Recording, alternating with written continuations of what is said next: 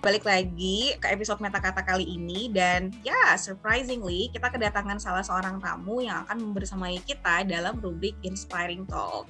Aku yakin kalian semua sudah sangat menanti-nantikan karena ini adalah salah satu sesi di mana kami mengundang selain aku dan juga Sarah gitu. Dan hari ini kami kedatangan uh, sebenarnya teman kami berdua juga sih, namanya adalah Haris Kurniawati. So buat listener yang mungkin kenal sama yang bersangkutan, jadi dia adalah uh, sebelumnya alumni Magister Ilmu Sastra dari UGM dan kami tertarik sebenarnya untuk ngobrol-ngobrol sama Haris dalam sesi Inspiring Talk kali ini karena kami melihat dia adalah salah seorang teman kami yang sangat passionate sekali gitu di dalam menjalani hidup gitu. Nah salah satu yang sebenarnya kami ingin juga Haris sharing-sharing hari ini terkait dengan pengalaman hidupnya tersebut.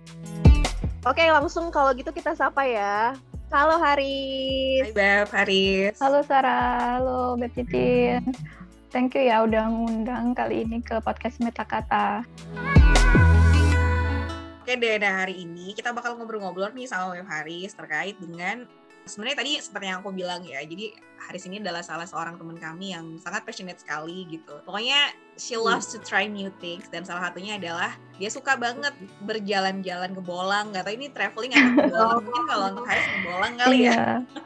oh ya jalan-jalan gratis adalah mutu Haris begitu. Betul sekali gitu. Nah makanya ini yang menarik guys. Menarik sekali listener karena kita akan ngebahas terkait dengan emang ada ya cara buat main-main keluar kota sama keluar negeri without spending your personal money. Nah, kayak gitu. Kita bakal ngobrol-ngobrol terkait dengan itu karena Haris ini dia udah ngebolang di beberapa wilayah dan negara dan mm-hmm. semuanya itu adalah tidak menggunakan uang pribadinya dia, melainkan yang lain. Nanti kita akan dengarkan ceritanya seperti apa. Okay. Tapi sebelum itu aku kenalin dulu barangkali jadi Haris ini sekarang uh, aktif menjadi salah seorang foreign language tutor dan kemudian juga sangat passionate sekali di, di pembelajaran bahasa dan juga seni ya. Tapi seni yang berhubung eh bentar. Literasi lisan ya Beb ya? Passion kamu. Oh ya di sastra lingkungan ya ekokritik dan juga sastra oh, iya. lisan. Sastra ya satu jadi uh, interest dia itu di sastra lisan sama sastra lingkungan. Yang sastra lingkungan kalau nggak salah ya satu terus habis itu pas lanjut master itu tertarik sama yang sastra lisan. Waktu itu penelitian yang oh. sampai sempat mau ke UK tapi nggak jadi. Iya, jadi di Scotland dia penelitiannya. Karena iya, pandemi gitu. jadi online. Tadi itu tertarik banget ya sama sama Aris tadi s satunya sastra lingkungan kayak aku baru denger loh ada kayak jurusan sastra lingkungan gitu. Emang itu tuh oh, sebenarnya bukan jurusan apa? Oh, bukan jurusan ya? Apa itu? Peminatan gitu. Tapi lebih ke iya kayak, kayak konsentrasi ya sastra. Kemudian kayak sastra lingkungan itu lebih ke teorinya gitu yang ingin diteliti. Oh. kayak ada hal seperti feminis kalau udah pernah dengar ya feminis feminis criticism itu ya kritik sastra feminis itu kan kayak uh, menganalisis hubungan antara karya sastra dengan uh, gender gitu ya.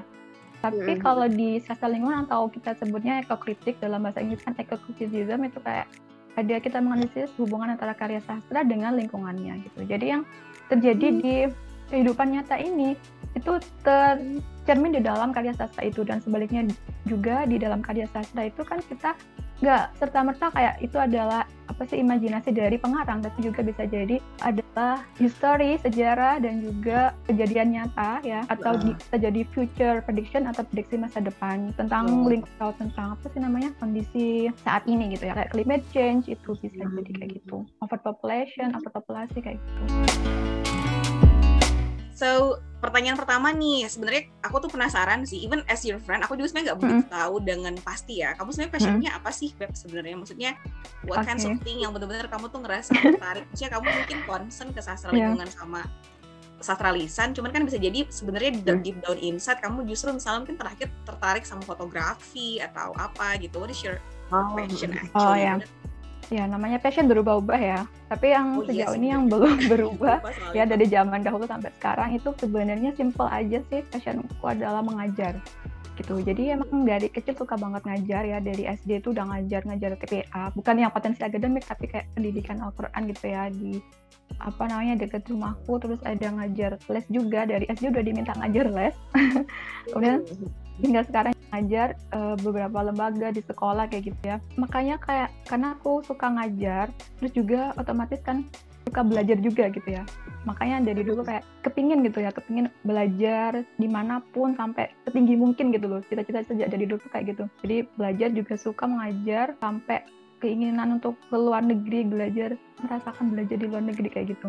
Hmm, oke oke oke. Mulia sekali itu ya. kayak Ya, maksudnya kayak amazing Iya, banget sih. dan- Aku selalu kayak amazing sama orang ngedenger ada orang yang passionnya tuh mengajar gitu. Nah, Sama, Titin sama. Haris itu kan kamu juga kan passionnya Iya. mengajar kan.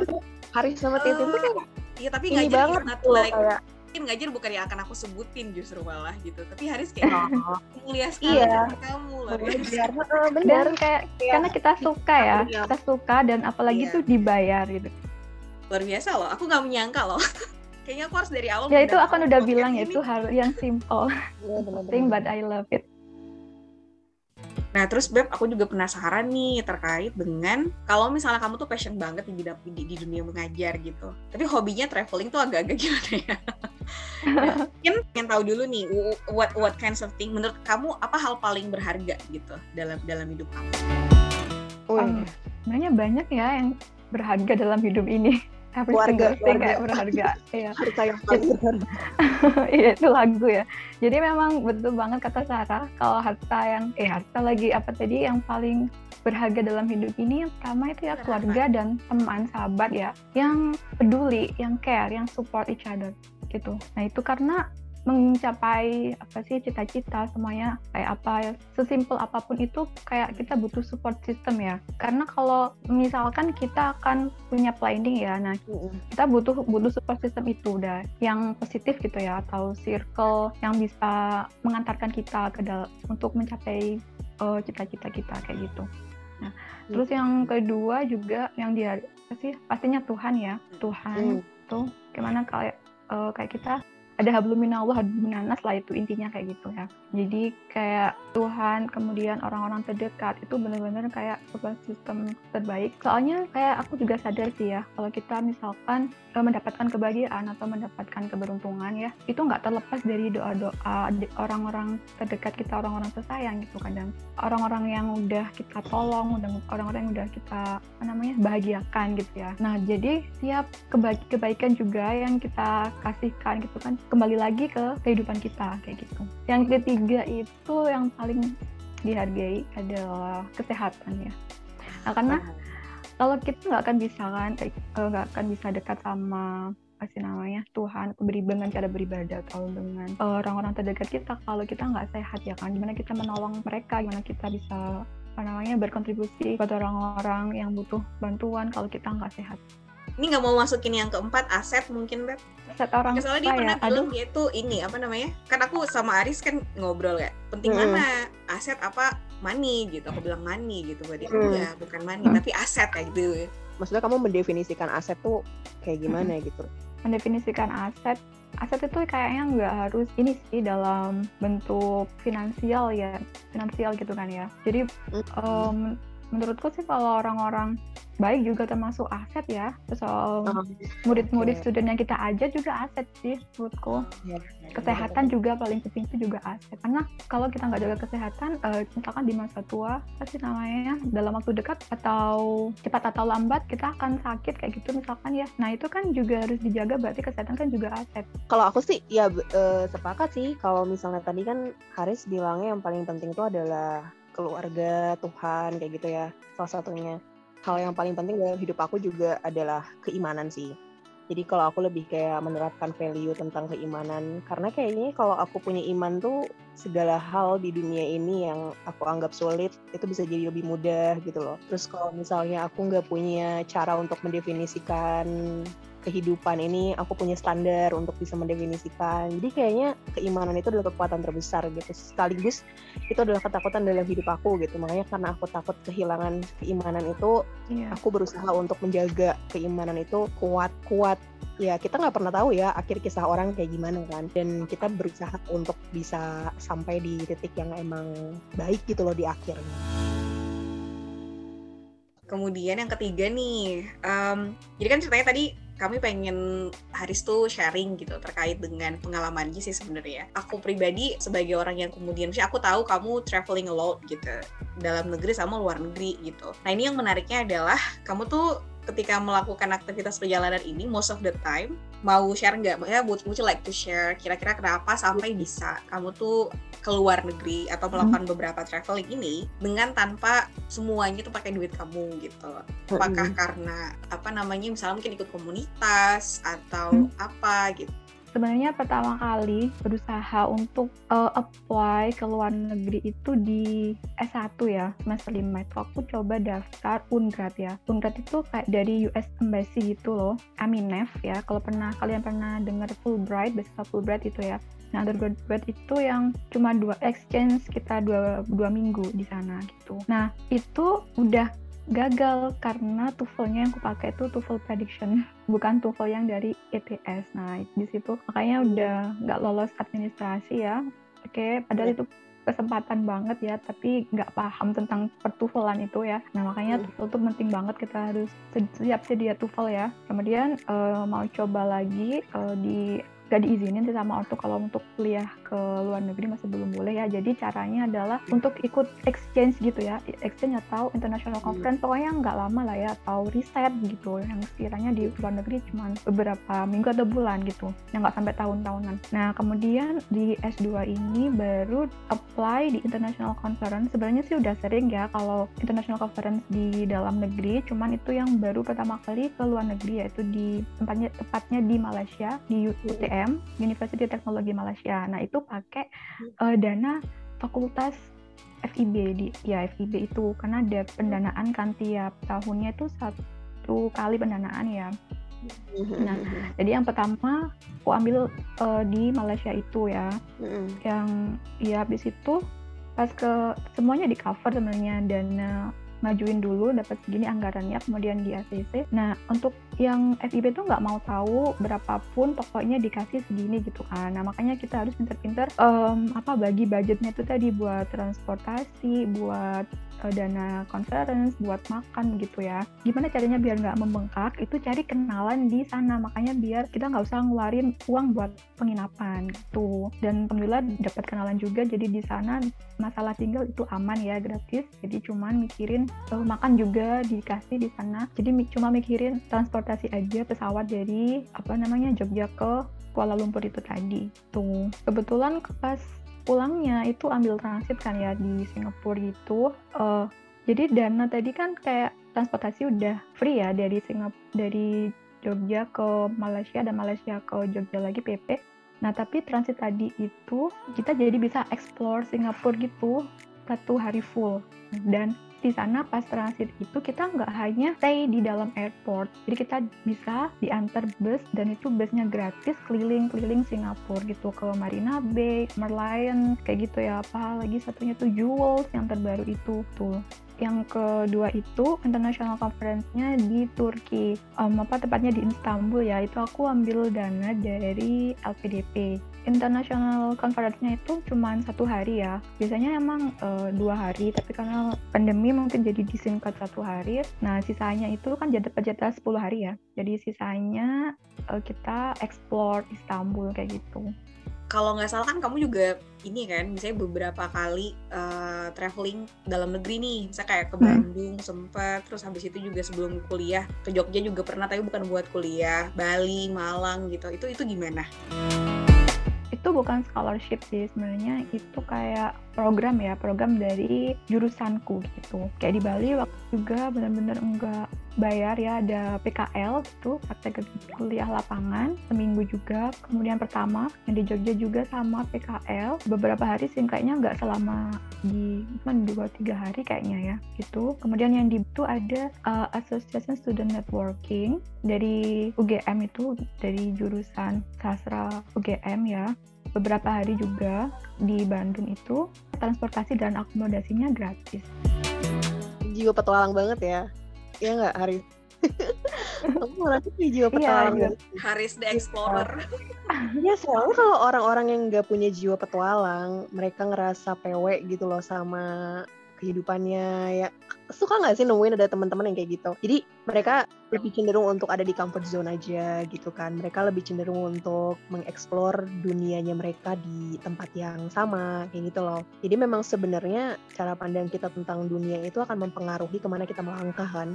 Kalau misalnya kemudian mindset kitanya sempit ya kita juga akan melangkah ke tempat yang sempit. Tapi kalau Hmm. mindset kita yang luas, ya kita akan melangkah ke tempat yang luas gitu. Jadi aku selalu merelasikan hal itu dengan kepribadian juga sih. Karena kalau misalnya kita emang udah punya jiwa petualang kayak gitu, makanya si Haris nih cari-cari tahu gitu ya event-event informasi-informasi yang penting tentang event-event ini gitu. Di saat mungkin kita semua atau kita yang ngedenger pada hari ini tuh mungkin ah oh ada ya ternyata ya kayak gitu loh. Kita kayak baru notice gitu ada ya ada ya gitu kan. Ternyata gitu loh setelah ngedenger ceritanya Haris ini gitu. Oh, Karena kadang-kadang kita nggak menyadari ada sejuta fasilitas yang menanti kita, cuman karena faktor Iya. nggak tahu aja gitu.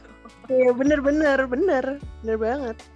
Ya berarti yang bisa kita belajar juga ya dari apa yang tadi Haris ceritain. Sebenarnya mungkin ngedenger go go abroad atau misalnya kayak traveling dengan menggunakan fasilitas gitu. Maksudnya fasilitas pihak ketiga dalam hal ini ya apa pun itu scholarship atau misalnya program dari komunitas tertentu dan sejenisnya gitu.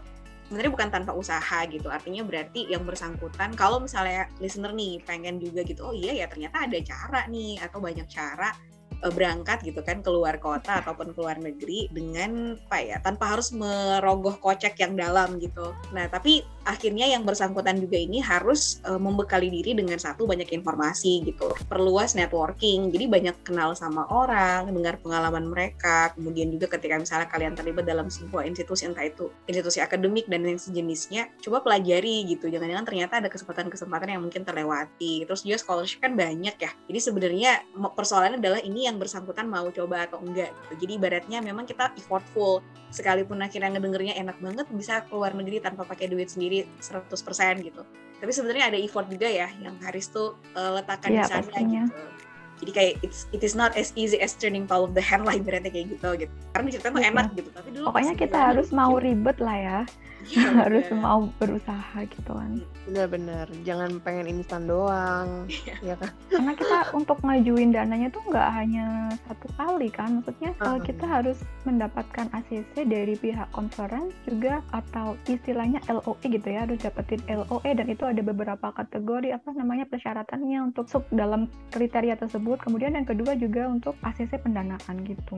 Ya tapi Mm-mm. kalau yang kayak Sarah bilang tadi, kalau Itu, misalnya mm-mm. orang tuh emang udah punya jiwa petualang, sebenarnya mungkin mereka nggak akan terlalu keberatan gitu dengan berbagai macam Hmm. tetek bengek hal-hal seperti tadi gitu. Yang penting ya kalau kita passionate dalam ngejalanin hidup dan kemudian kita tahu apa yang kita cari gitu, you know what Hmm. kinds of thing kita cherish Iya. in life. Mungkin kayak Mm-mm. it- we just we will just enjoy every steps yang kita lewatin gitu ya. Ya itu semuanya berkaitan sama mindset sih. Jadi intinya perluas mindset kita gitu supaya networking kita juga semakin luas gitu. That's right. Nah, terakhir nih Beb, aku pengen would you like to share apa sih memori yang menurut kamu paling unforgettable dari traveling-traveling yang pernah kamu lakukan selama ini? Sebenarnya semua memorable ya, karena berkaitan dengan um, exploring new thing, exploring new place kayak gitu ya. Oh, dapat ilmu baru juga, ada ketemu orang, kenalan baru. Eh, tapi ya ada sih yang paling berkesan memang susah dilupakan hingga saat ini ya pastinya ke Turki itu ya. Dan pengen mengulang lagi saat ini pastinya. Itu itu hampir tiap momen itu masih berasa gitu ya kayaknya. Karena emang waktu itu aku jadi being present gitu ya biar kayak aku memang antara raga, antara jiwa, pikiran itu aku tempatkan di satu tempat itu. Jadi aku memang pengen merasakan kalau aku benar-benar ada di suatu tempat itu. Nah makanya aku jadi susah melupakan waktu itu. Memorable banget itu ketika nyebrang ya dari Europe ke apa sih kan Turki itu ada dibagi dua ya ada Turki bagian Asia Turki bagian Eropa ketika itu kan cuma beberapa beberapa detik sampai beberapa detik ya beberapa menit gitu ya nah kita itu biasanya melewati perbatasan kecepatan kapalnya.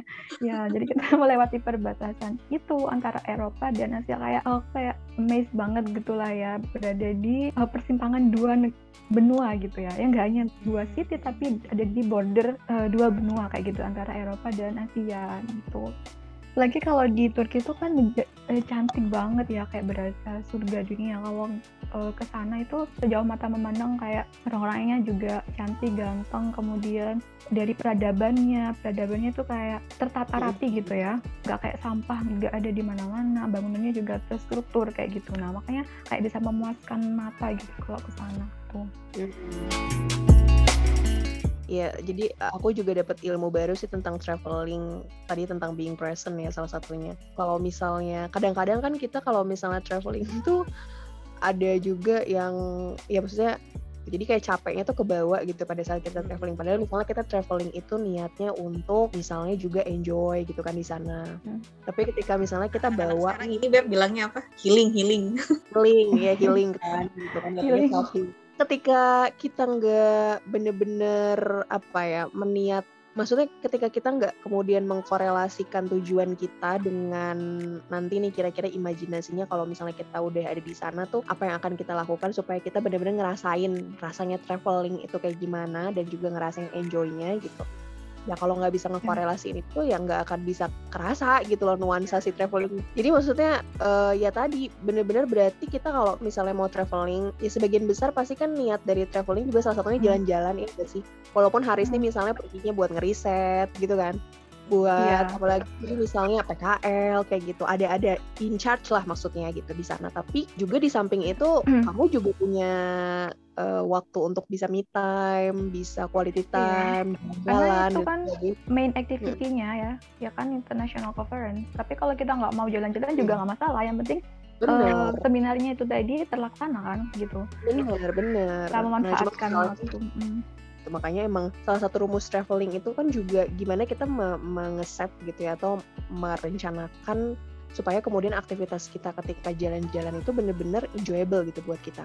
Jangan sampai kita malah habis pulang traveling kita bawa capek doang gitu. kalau capeknya fisik sih nggak apa-apa ya, tapi kalau misalnya capeknya juga hatinya, mentalnya, jadi nggak nggak terjadi itu proses healingnya tuh nggak ada kayak gitu hmm. kan. Terus aku tuh juga ini ya suka memanfaatkan transit. Kalau oh, uh, ya jadi kalau aku transit tuh nggak pengen yang kayak ada di airport aja. Kayak misalkan kalau transit kan kita beda negara. Kayak di Singapura tadi itu kan kita oh maksudnya aku nggak ada acara ya di Singapura cuma transit doang gitu kan. Tapi ya daripada cuman berbahan di airport gitu kan ya udah keluar lah mumpung gratis juga kan busnya keliling-keliling Singapura seharian gitu lumayan juga. Kemudian pas di Turki juga transit kan itu di Abu Dhabi ya Uni Emirat Arab gitu. Nah, tapi sebenarnya deket juga kayak dengan Burj Khalifa ya kan hmm. kemudian tapi sih kemarin tuh nggak keluar karena kan lagi ada pandemi gitu padahal sebenarnya udah di planning ke sana oh, pas hmm. transit itu agak lama kan ya transitnya jadi sebenarnya kalau perhitungannya sih sempat lah ya ke sana tapi memang nggak keluar airport untuk di ke Dubai itu karena pandemi tuh. Oke, okay, ya nah jadi alhamdulillah nih kita udah ngobrol-ngobrol tadi. Ini mohon maaf banget kalau dilanjutin mungkin durasinya nggak cukup ya. Jadi sekali lagi makasih buat Haris yang udah bersedia datang ke Meta Kata dan tentu saja yang paling penting adalah bersedia untuk berbagi pengalaman-pengalaman dia gitu. Karena tadi misalnya Haris merasa hal yang kemudian paling berharga itu adalah Tuhan, Allah gitu kan, keluarga, teman dan juga aset dalam makna yang tadi sudah didefinisikan. Aku juga pengen nambahin satu pengalaman sih dan pengalaman itu tidak selalu harus kita rasakan secara langsung. Kita juga kadang bisa belajar dari pengalaman orang lain. So hopefully inspiring talk edisi kali ini bisa inspire you guys. Entah hmm. itu mungkin yang bikin kalian kepikiran buat ah kayaknya aku pengen coba traveling. Mana tahu itu bisa menumbuhkan keberanian gitu dalam diri. Atau misalnya jadi dapat ide gitu kayak oh ternyata aku bisa nih cari-cari tahu. Jadi ada pendanaan untuk student exchange di kampusku gitu buat yang masih kuliah gitu ya. Entah uh, apa namanya bachelor degree ataupun yang master degree gitu. Ya pokoknya apa pun itu kita berharap kalian bisa memetik hikmah dan pelajaran lah dari podcast kali ini. Dan thank you banget juga udah ngedengerin kata-kata Lalu jangan lupa juga untuk nyalain notifikasinya supaya kalian nggak ketinggalan kalau ada update baru dari kita. Dan kita undur diri dulu di podcast kali ini. Sampai jumpa di podcast berikutnya. Bye-bye.